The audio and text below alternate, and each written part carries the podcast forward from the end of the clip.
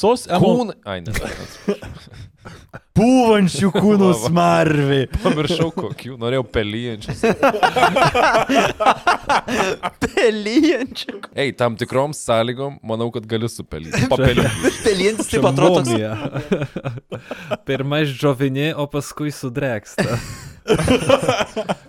Būna. Bet tai tu savo pelėsi dar galėtum, nu, kai jau būtum, tai gal nematytum, ten nebent kokį krokodilą leidėsi, bet uh, kai pelytum, Gali dar, nu, nu, nu, gali kažkaip. Ką ten grauži? Šašą tokį. Ar tai šašas, ar tai pelėsis? kiek mokėtumėt už šį stalo žaidimą? Visos Emos Goldman istorijos metu žmonės jos rate nuolatos keitėsi. Nors tai nereiškia, kad su visais pykosi. Tiesiog jos brandžiojoje gyvenimo dalyje, prasidedančioje jai atvykus į New Yorką, jų pasirodymas buvo labiau epizodinis nei nuoseklus. Sesuo Helena, žinoma, buvo išimtis, išliko ramščiu visam gyvenimui. Tačiau pastaroji pasimirė Emai dar esant Rusijoje. Su vyrais Emos gyvenime viskas buvo panašiai. Nors per jį meilių ir gerbėjų turėjo nors vežimu vežk, jie netliko kažkokio ypatingai esminio vaidmens. Išskyrus vieną išskirtinę išimtį - Aleksandrą Bergmaną. Pastarasis buvo jos mokytojas, įkvėpėjas, sielos ir širdies draugas bei nuolatinis palydovas, lydėjęs ją praktiškai visą gyvenimą. Ar ir mylužis? Iki kalėjimo taip. A, ok. Net jei jis ir nėra minimas visuose vietose mūsų pagrindiniuose epizoduose, žinokite, kad greičiausiai jis yra arba šalia Emos, arba bent jau toje pačioje šalyje darantis kažką panašia linkme. Bergmaną galima visiškai pagristai laikyti itin stipriu Robinu Emos Goldman Batmanui. Gal ne daugiau, nes Bergmanas sugebėjo veikti ir savarankiškai. O, Sick Burns. Bad burn. To the burn mobile. Nu, čia dar priklauso Katris Robinas. jo, tiesa, tiesa. Kuris buvo Robinas savarankiškiausias? Red Hood. Jo, Red Hood, bet iš filmų padarytų. Tai gal tas iš Nolono, nes nespėjo dar po batu palysti. dar pats policininku buvo, ne? Kol... jo. Jo. Agency, kol dar turėjo kažkokį. Jo, jo. Bergmano tokį savarankiškumą atspindi ir jo biografija. Norite, tikėkite, norite ne, tačiau Aleksandras Bergmanas, kurį Ema pirmą kartą susitiko tik atvykusi į New Yorką, yra taip pat Lietuvos vaikas. Aleksandras Bergmanas gimė 1870 m. lapkričio 21 d. Vilniuje kaip Ofsėjus Osipovičius Bergmanas. Jo tėvas Osipas buvo gana sėkmingas odos pirklys, o motina Jeta buvo kilusi iš pasiturinčios šeimos. Tai jeigu gyventa Vilnius senamestėje, labai tikėtina, ne labai tikėtina, bet gali būti, kad gyventa Bergmano uh, būte kokiam nors. Kaiminystėje, pavyzdžiui.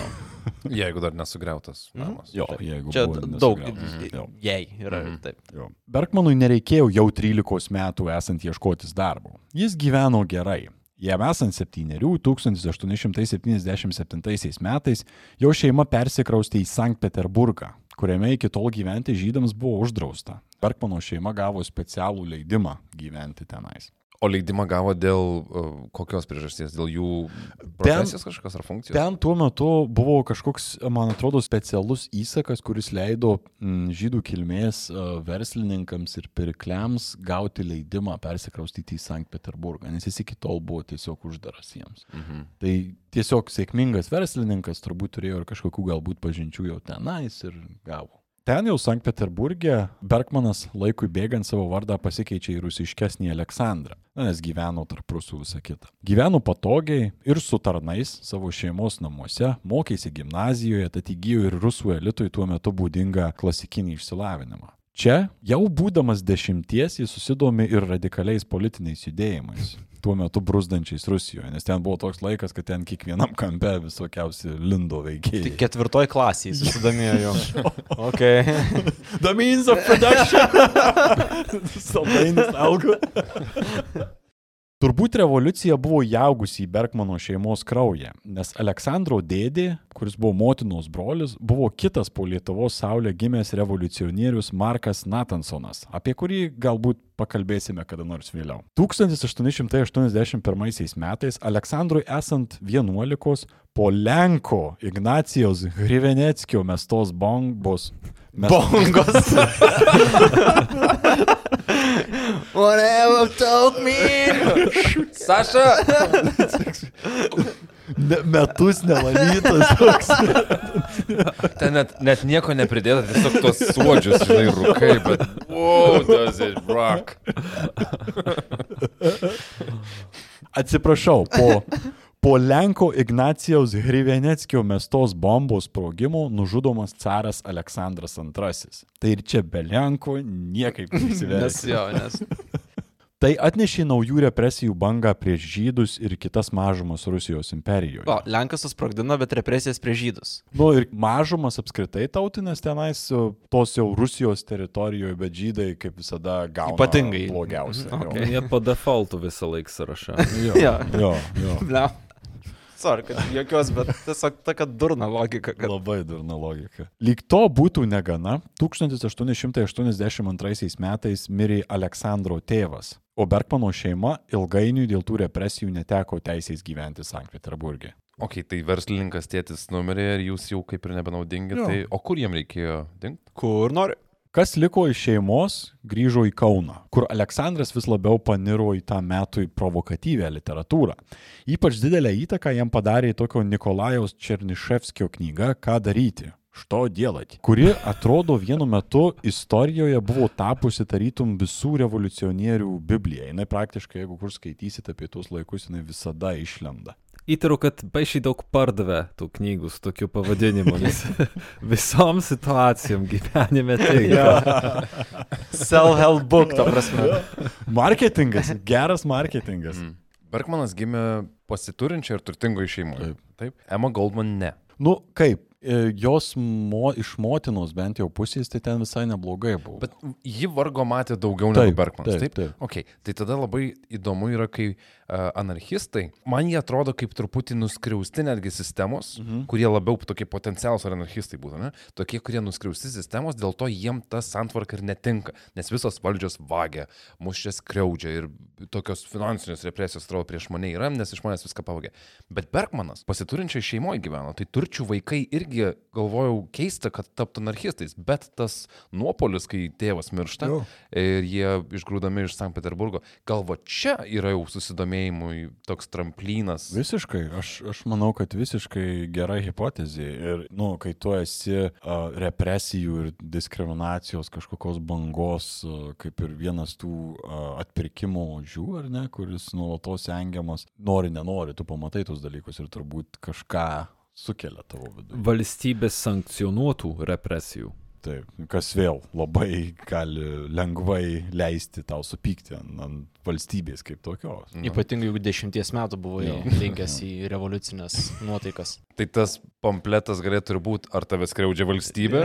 Boy, do we have a uh, ideologija for you. Jo. Tai grįžtant, ta Nikolajos Černiševskio knyga, ką daryti, beje, turėjo didžiulę įtaką ir pačiai Emai Goldman. Jis labai dažnai mini, kad, na, nu, pavyzdžiui, kai jinai susitinka su anarchistais, jie praktiškai beveik visada prieina momentą, kai kalbasi apie šitą knygą. Bergmanas, įkvėptas Černiševskio, Turgenevo ir kitų garsių autorių, gimnazijoje net įteikė rašinį pavadinimu Dievas neegzistuoja. Wow. Už ką yra baudžiamas kartoti mokslo metų mokymosi įstaigą. Damn, tokia didelė bausmė. Pakartojo metus vėl parašo tą patį. Bet drąsu, kiek jam metų? Čia neradau šiaip amžiaus, bet jisai čia dar toks kaip ir paauglys, kokia gal 14-15. Tai čia jau toks maištas yra. Aha. Bet Septintoj klasė Jo, jo. nėra, dievo. Taip, taip. Jeigu, jeigu būtų mūsų laikais, tai vaikščiotų su kerzais ir klausytųsi kokios gotiškos muzikos. Gal. Gotiškas, barokinis. jo. Tai šalia to, nu, tas, kad ir jis paliekamas antriems, antrus metus toj pačioj klasėje, jam netrukdo dalyvauti visokiuose rateliuose ir dalinti undergroundinių pamfletų visokių nukreiptų prieš tuo metinę caro valdžią. Ei, taigi kartu antrus metus mokytis tai jau nebereikia. Aš jau išmokau, ką reikėjo, tai aš galiu kitur pasigirti savo jėgas visų. Povilai, atrodo lyg žinai, apie ką kalbi. Tu pasakai kažką. 1887 metais mirė ir Aleksandro mama. Bergmanas tada, nors ir galėjo likti pas savo dėdę šeimoje gyventi Kaune, nusprendė emigruoti į Junktinės Amerikos valstijas. Ką ir padaro 1888 metais. Ten, kaip ir Ema, jam didelį poveikį padaro Haymarketo aukų istorija, kurią išgirdęs jis įsitraukė į pirmąją Amerikoje žydų anarchistų organizaciją Pioneers of Liberty. Laisvės pionieriai. okay, okay. Biškai kaip uh, motociklų gaujos pavadinimas. jo, aš. Jie tik vietoj motociklų tie dviračiai su dideliu priekiniu ratu. Ir... jo. Tikrai tinka ant odinės trukės išsiuvinėti. Laisvės pionieriai. Nu, tėvas geodos kažkoks buvo, ne? Tai Jo, turėjau. jo, jo, jo. Su tėvo koža važinėjo. It was my father. He's dead now. Į klubą priima tik tai pagal mūsų vešlumą. 17 mečiai, ne? Vėjai, ple, plevena, ble, tie pukai. 1889 metais, kaip ir minėjome, susitiko Emma Goldman, su kuria iškart susibendravo ir pradėjo romaną. Primink dar kartą, kiek jam šiuo metu abiem metų yra, kad suprasčiau tą. Emai, Emai 20, jam yra 19. A, jo, jis Jis jaunesnis. jaunesnis. Taip, Taip, jau antrą kartą per šitą jis epizodą jaunesnis, Jo, jo. Jų susitikimas įvyko mano minėtoje Sekso kavinėje. Ir uh, kai, kai, kai, Rock and rabbi. Sex coffee. kai ten... Maybe coffee for... I know. Sex and coffee. Ar yra kablelis tarp sex and coffee? Atsiprašau. Tai kuomet jisai ten atėjo į tą kavinę, jau ten buvo Ema. Bergmanas iš karto atėjęs tą vakarą į kavinę puolė užsisakinėti maisto. Garsiai užsisakinėti maisto. Valgė! Jo, per visą, per visą... Kijevo Jo. kotletą! Jo, per visą, per visą salę taip ir buvo. Iš esmės jis rėk pradėjo, kad ten neštų jam vis, e, ten dvigubą porciją steiko, dar kažką ten. Nu, Bet čia matas, kad iš turtingos šeimos yra pratęs tarnam šaukti iš to. A, ne visai, jis tai tiesiog tai buvo pirmas kartas per kokius tris mėnesius, kai jis turėjo pinigų. negali Ah, okay. Čia buvo kitas atvejis. Ir tuo tarpu toje pačioje salėje esančiai Emai, jos draugas, vėliau supažindinęs tą pačią Emą su Bergmanu, jai porino. Jis gali valgyti už tris, bet jis retai turi pinigų, kad galėtų daug valgyti. Tačiau kai jau turi, tai išvalgo visas sakso atsargas.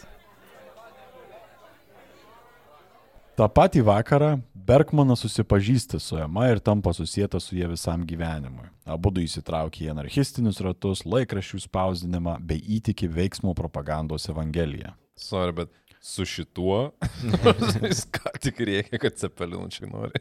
O, girdėjai tą bičią, einam, susipažinsim. Kai aš tai... Ne.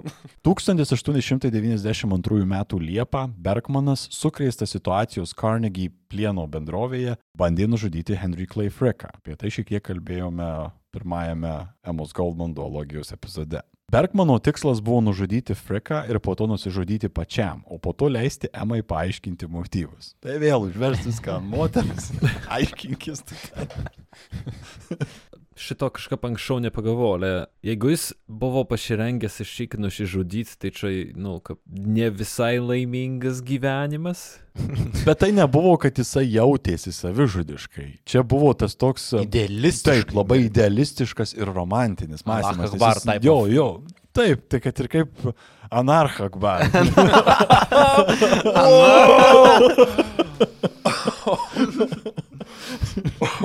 Kaip nejaučiu, kad ateis toks.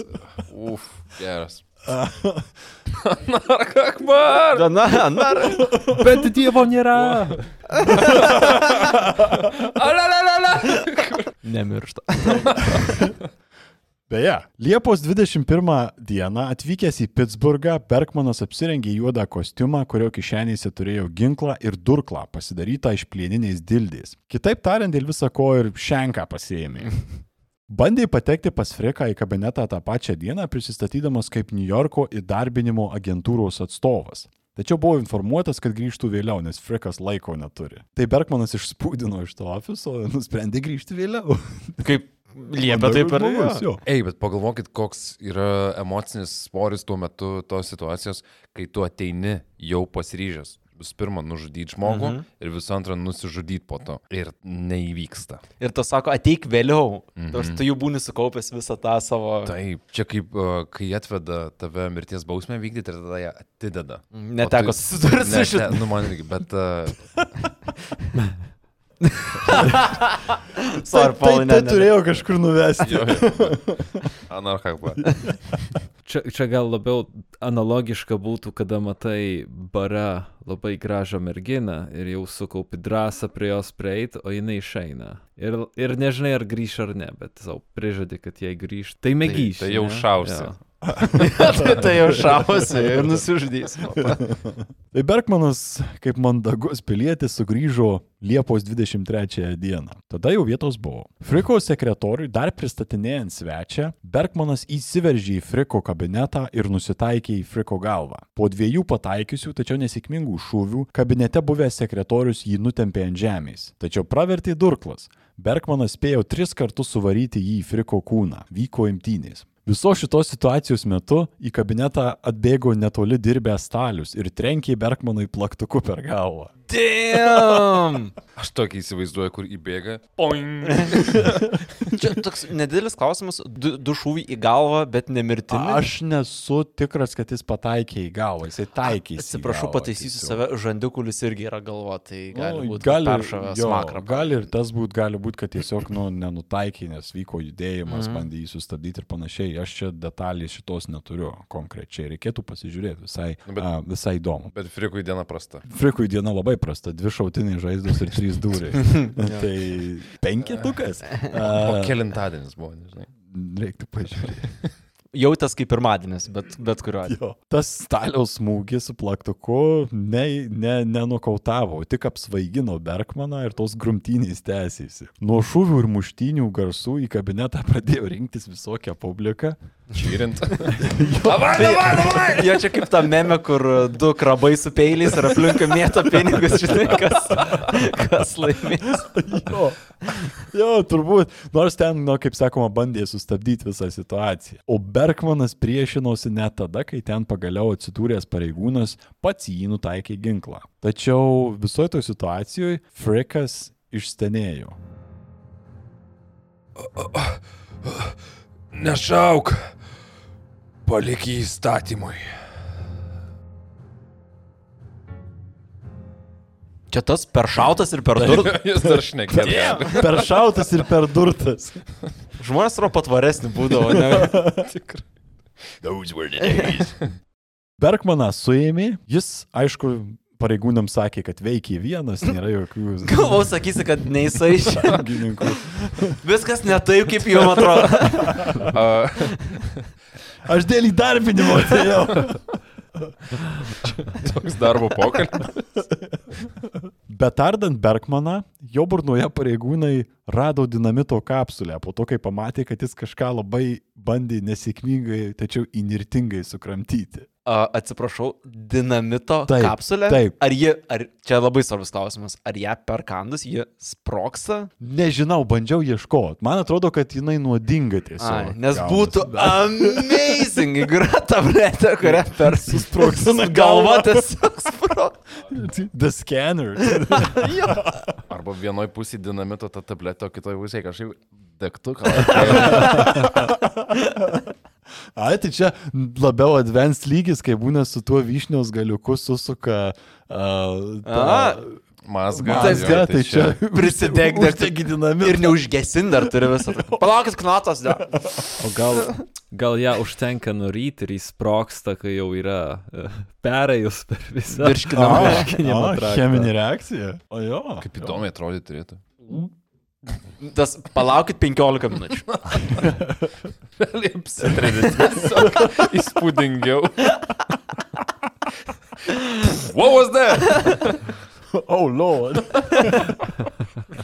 Biški, krestelė. Dievas visgi egzistuoja. Anarchakbar. Toks. Tai va, galiausiai Bergmaną nuteisė 22 metams kalėjimo Pensilvanijos valstijos kalėjime. Ta liūdnoji dalis šitoje vietoje. Laikas kalėjime nebuvo lengvas, kadangi buvo anarchistas, su Bergmanu ten elgėsi baisiai. Didžiąją dalį laikė vienutėje, kartais mesdavo į duobę, kuri buvo super ankštas kambarėlis, kuriame ne tik neėjau pilnai išsitiesti ir atsistoti, bet dar ir taip trūko oro, kad Bergmanui tekdavo gulėti prie durų slengščio, pro kurį į patalpą jo vos vos šiek tiek įeidavo. Tai realiai tam, kad galėtų kvėpuoti. O ar angliškai The Hole vadinasi tas? Uh, jo, jo. Blemo, šiaip, nu jo, ok, cool. Nice.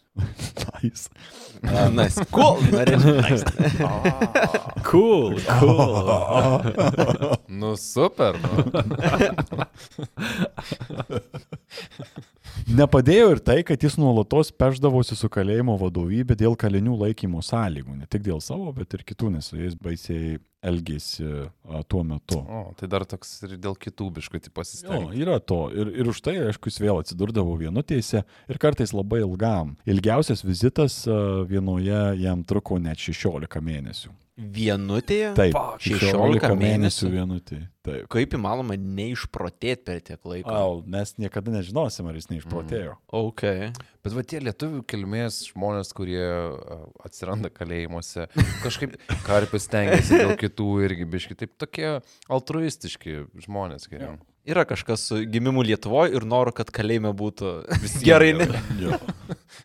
Laikas kalėjime buvo toks šūdinas pyragas, kad Bergmanas galvojo net apie savižudybę būdamas jame. Vieną kartą buvo pagautas mailindamas šaukštą į durklą, kitą kartą buvo išgabentas gydyti, nes tiesiog pradėjo savo galvą daužyti į grotas. Tu sakai net. Jo, jis jau Net du šyk pagalvo- mėgino užsimušti. Iki kalėjimo. Nu jo. Bet, nu, tas daužimas galvos į... Kaip savižudybės būdas yra- skamba kaip ne pats, ne pirmam puslapį Taip, pasirinkimų ne, ne yra. pats elegantiškiausias būdas išeiti iš šio pasaulio. Ir jisai net prašinėjo Emos atnešti jam dinamito kapsulę dar vieną, dar turbūt tikėdamas, kad pasiseks. Jau bandai vieną kartą. jo. Tačiau ši, nu, tiesiog atsisakė, jinai net buvo kažkada aplankyta atėjusi jo ir, ir, ir jisai, nu, sakė, tipo, iškart ją pamatė, suprato, kad ji neatnešė, nors jis ir prašė. Tokie ir panašus incidentai lydėjo į visą bausmės laikotarpį tenais beveik. Ir visgi, esant tokiems sustiprėjimo periodams, pasiradus ir planų, ką padaryti? Pabėgti! Jo. 1900 metais susitarė su vienu iš kalėjimų išeinančių kaliniu, kuriuo Ema iškart pareiškė nepasitikėjimą, kad Anas padės Bergmanui pabėgti iš kalėjimo surinkęs gaują. Ir panašu tais laikais pabėgimas iš kalėjimo buvo gana įprasta mąstymo linija. Jeigu tokios sąlygos gal ir visai... Jo. Kur su arkliu ištrauks sieną, išgriaus. Jo, jo. Po 16 mėnesių išeini, okei, okay, turiu dvi savaitės, pasodinti. Jo, šiaip turėjau daug laiko pagalvoti, kaip išėjai. Planas buvo toks. Kitoje gatvės pusėje nuo kalėjimo buvo išnuomojamas namas. Tad Hebra sugalvojo tą namą išsinuomoti ir iš jo rūsio iškasti tunelį į kalėjimo kiemą, esantį per gatvę ir už sienos. Alčiapo strategija tokia. O tai Alčiapo jo perfektino urvų rausimo technologiją. O gal įkvėptas a, Bergmano? Ne? Tuo metu tenais, a, tame kieme, kur jie norėjo tą tunelį, kaip sakant, jo įėjimą padaryti, vienoje vietoje buvo nenaudojamas lauko tualetas arba arklidės, priklausomai nuo šaltinio. O, nei vienas iš Taip. dalykų netrodo tas, kurio grindise norėtum būti. Ne? Taip. Ir, na, bet kokiu atveju tai atrodė kaip puikia priedanga paslėpti tai skyliai. Nesilgai sėdėjai. Niekam nekils įtarimas. Kadangi Bergmanas tuo metu buvo ramesnėme periode ir dienų vienutėje neleido, jis neblogai žinojo ir visą kalėjimo išplanavimą. Tai jam atrodė čia geras potas. Tunelį turėjau kasti, kaip ir minėjau, iš namo pusės rūsių. Tačiau kaip ir visada su tokiais planais, yra lengviau pasakyti nei padaryti. O ne, ar jie nusikasi ne į tą pusę? Visų pirma, žemė, pro kurią turėjo eiti tunelis, buvo akmenuota ir kitaip nepatogi kasimui, kas reiškia, kad viskas užtruko daug ilgiau. Ir prie viso to, kadangi reikėjo išiminėti akmenis ir išmušinėti juos, viskas buvo daug triukšmingiau nei iš pirmo žvilgsnio tikėtasi. Jo. Gauja rado sprendimą. Pasamdė moterį, kuri turėjo tame name groti pieninu ir dainuoti garsiai, kol vyko kasimas ir duoti signalą, jeigu pro langą pasimato kažkas įtarti. O čia turėjo daina pasikeisti kažkokią kitokią? Jo. Begamentai. Jo, berots, berots, e, kaž, aš dabar nepasakysiu kokia tiksliai, bet turėjau pasikeisti grojimo melodiją. A, Bet vis tiek komiškai man biškai viskas skamba kažkaip. Galėjo kokį būgnininką paimti, tikrai geriau užmaskuotų nei pianinas. Užknisa namo gyventojai tikriausiai būtų irgi visą dieną. šešias valandas. Nu, bet mieliau ausiai buvo pianinas su moters balsu ir tas sprendimas suveikė, nes turbūt ir kalėjimo sargybinėms nebuvo nemalonu girdėti muziką jų darbo metu vietoj kokio vienutė. Išprotėjusi. Davai, davai, davai, davai parūkyti. Arčiausias Mansonas buvo taip pat tam kalėjime. Aivarai. Nežinau, istorija nutylė. Tačiau, na, vis tiek pats kasimas, jisai e, buvo visai kita istorija, kalbant apie sėkmę. Bekasant, gauja prakirto dujų vamzdį. Tad pats kasimas pasidarė labai sudėtingu, nes reikėjo kas kažkiek laiko išlysti iš duobės. Nelabai padėjo net pridengti kvėpavimo takai ir šiaip netaip suresti kažkokie tai deguonės tuneliai, kurie turėjo leisti kvėpuoti. O kaip jie pasišviesdavo tokia atveju, nes įsivaizduoju, kad tuo metu dar ten kokia nors žibalinė lempa, o ne kažką tikriausiai prie dujų nuotėkio turėti degantį, degančią atvirą liepsną. Gatvė pakyla biškai. Mano mielas Vėliau, labai geras klausimas. Aš turiu nuojautą, kad jį tiesiog tamsoj varė. Jon vabalys pasišviesdavo. jo. Bet reikia pagirti. Tunelį iškasi. Birželio 5 dieną 1900 metais, kaip ir sutarta, Bergmanas nuėjo į kieme esantį apleistą pastatą, kur turėjo lysti tunelin ir dingti iš kalėjimo. Tačiau paaiškėjo, kad jo kalėjimo draugas, su kuriuo planas buvo surekstas, sugalvojo jį perdėlioti pagal save. Ir tunelį kalėjime išvedė ne visai ten, kur sutarta. O, ne veltui Ema juo nepasitikėjau. Ir nieko nepasakė Bergmanai. Nelabai. Gal ir perdavė kažkokią žinutę, bet uh, aš abejoju, kad buvo pasakyta iš anksto. Tai tas Bergmano sėbras tiesiog nusprendė išrausti tą išėjimą į tunelį arčiau sienos, kad nereikėtų kasti toliau. Ir kaip tyčia ant tunelio įėjimo viršaus, kai prasikasi, virš jų buvo pilna laužo ir metalo naujoms statyboms, kurio, kurio patraukti Bergmanas niekaip negalėjo. O tai jie toliau negalėjo dar truputį pakast kažkur? Ar... Nu, turbūt.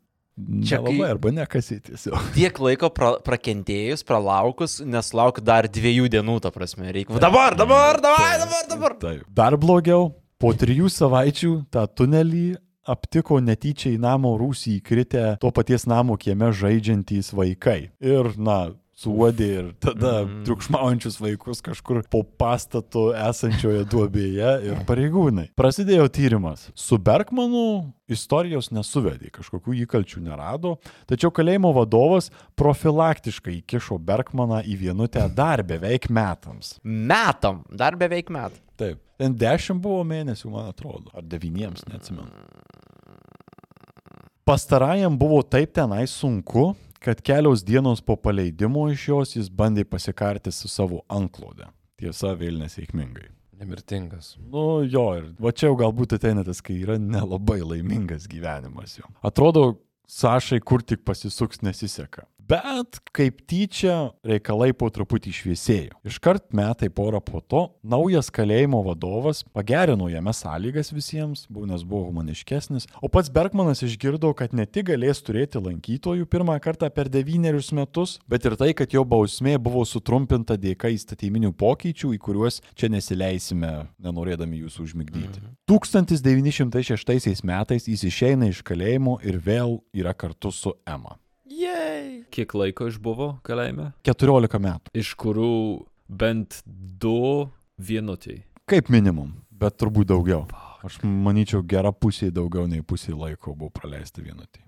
Bergmanui, kaip ir minėjome epizode, buvo sunku, tačiau po truputėlį jis vėl atrado savo tikslą leidyboje, paskaitose, iniciatyvų organizavime. Taip pat pagaliau pabaigė rašyti ir išleido pirmąją savo knygą - Anarchisto kalėjimo memoarus, kurie šiandien yra laikomi autobiografinio žanro klasika. Ar kažką apie metalo laužą ten paminėjai? Metalų laužą ne, bet yra, jis labai ten skiria laiko apie homoseksualumą. Kalbėt, nes jisai prieš eidamas į kalėjimą, jisai nebuvo tikras, ar vyras gali mylėti vyrą, bet jis, kaip pats sakė, jis, nu, iš dalies buvo priverstas į tą klausimą pasižiūrėti iš arčiau būdamas kalėjime ir kartu turėjau santykių su vienu žmogumi tenais būdamas. Tai, na, buvo ir tokių tam tikrų asmeninių, vidinių gyvenimo versmų. Su Ema jam išėjus iš kalėjimo ryšys išlieka. Jie beveik nuolatos kartu, ar bent jau netoli vienas kito. Tiesa, romantinio santykio jiems taip ir nepavyksta atkurti. Bergmanas pradeda žiūrėti jaunesnės merginas, o ir Ema tuo metu turi savo romantinių nuotykių, kuriais yra užsiemusi. Irgi su jaunesniais vyrais. Ir netokiais sulaužytais gyvenimu.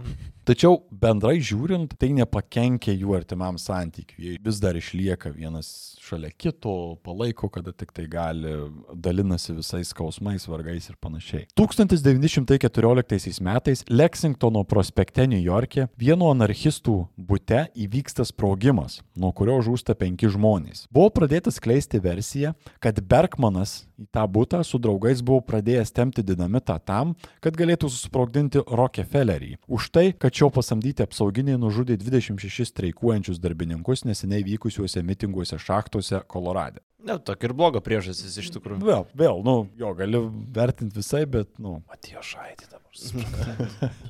Mr. Krabs. Hello, Mr. Krabs. Ai, jo, rimtai. Ooh, money, I like money. I like money. Bet grįžtant prie temos, tai to versija ir buvo, kad čia tas susprogdinimas buvo ne bet ko kito Bergmano planas. Tikėtina? Taip, net labai. Tačiau visą tai įrodyti taip ir nebuvo ir Bergmanui pavyko išvengti kažkokių tai rimtesnių bausmių arba įtarimų šituo klausimu. Jau į vieną ten neįmesit. Mhm. Kol kas. Nu, bet jis prisidirbo skaitydamas paskaitas, organizuodamas uh, judėjimus ir panašiai. Ir kaip ir Goldman 1917 metais, Bergmanas buvo nuteistas dviejiems metams ir deportacijai. Po dviejų metų kalėjime Bergmanas atrodė iš vis prastai. Kaip sakė Ema, tie porą metų atrodė atėmė iš jo daugiau nei 14 metų Pensilvanijoje. Na, bet buvo gyvas. Ir kartu su Ema patraukė į Rusiją. Jei, iš kalėjimų į Sovietų Rusiją. Kaip pasakėjai, bet buvo gyvas žmogus, kuris bandė jau nežinau kiek kartų nusižudyti ir patraukė į Rusiją. Žemyn ir blogyn viskas. Tikrai taip. Šiaip jau geriau negyvas ir Amerikoje likęs.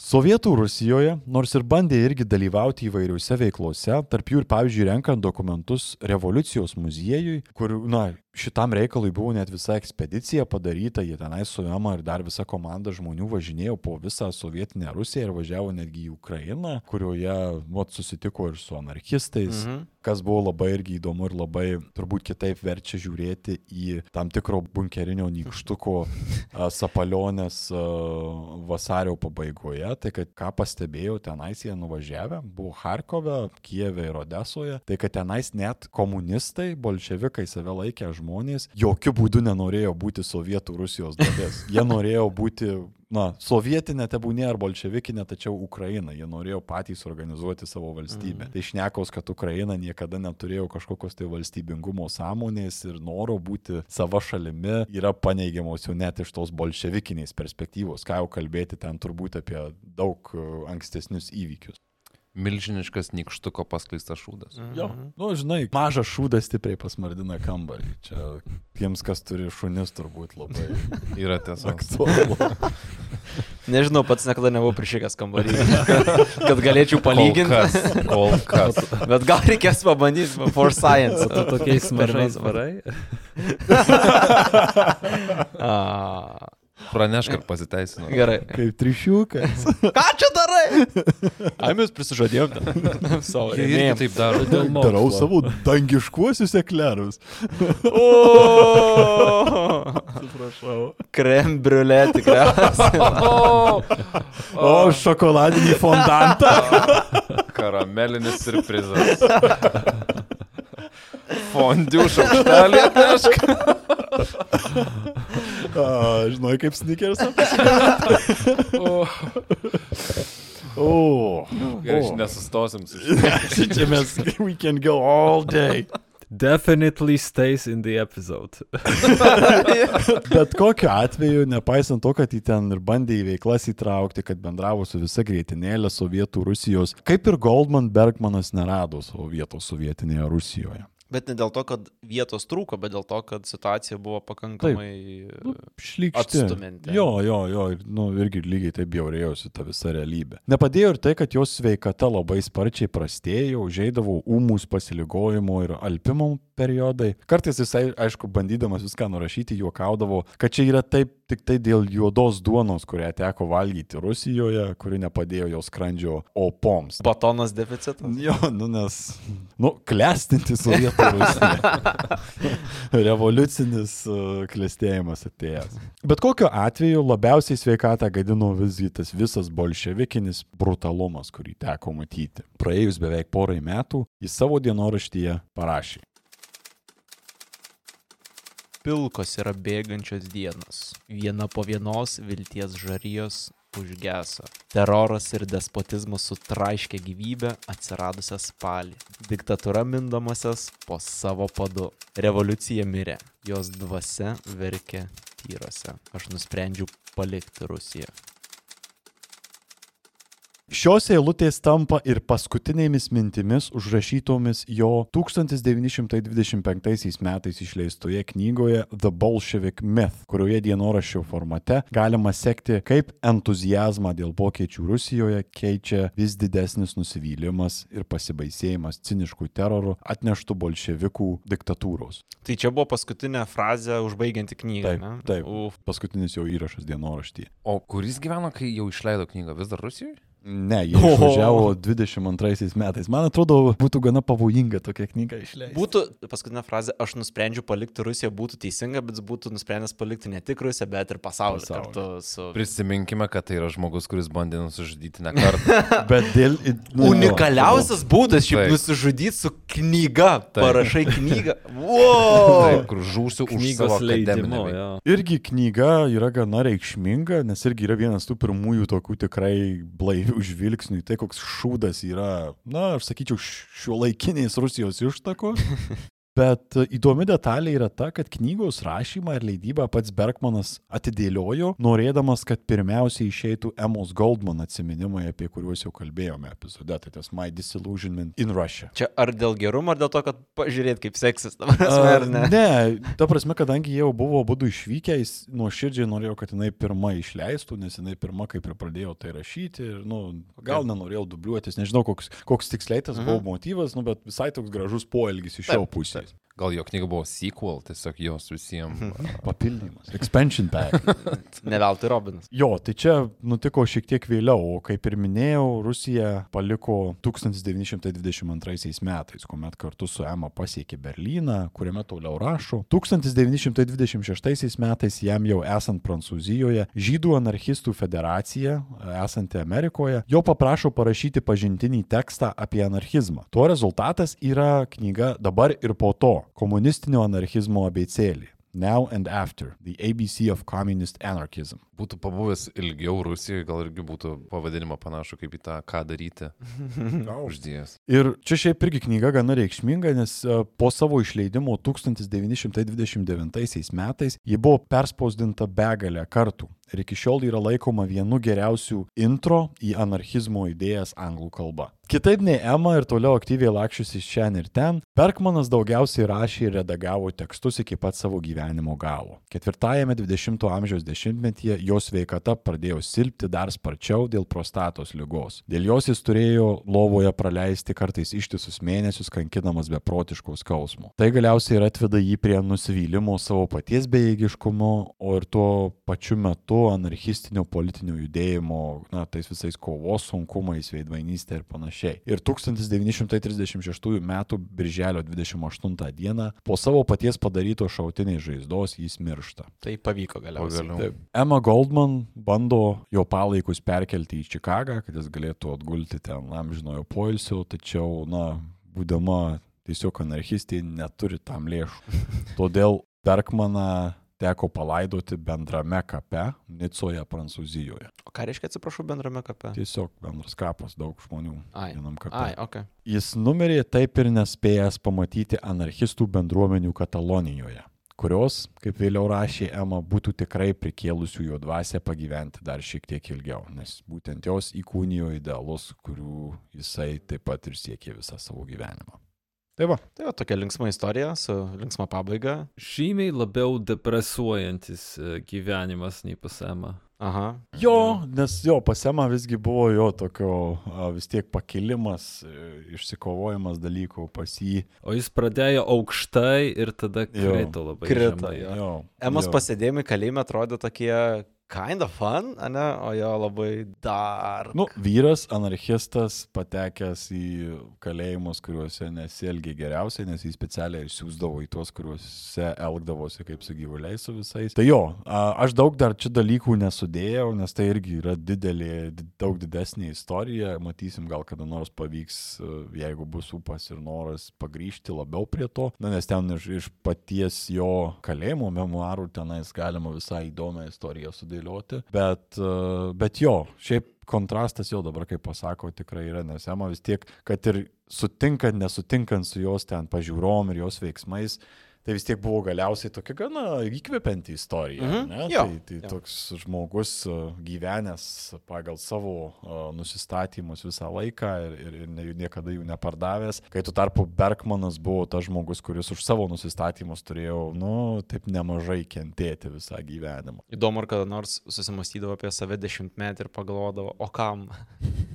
Geras klausimas. Bet jeigu, žinai, dešimties The means of production, tai, nu, Jo. gal nebuvo jau to klausimo, ypač kai pačioj šeimoje atrodo tas revoliucionieriaus kraujas, jisai virė jau ir iki tol. Plus irgi vienas iš po Lietuvos saulė gimusių žmonių, kuris nepaisant tos istorijos jo gyvenimo tamsumo iš tiesų irgi yra reikšminga figūra socialiniuose judėjimuose. Primiršta, bet reikšminga. Vilniečiai ir kaunietės turne po pasaulį skleidžiant anarchizmą, ne? Tarp Jie- Vilniaus ir Kauno.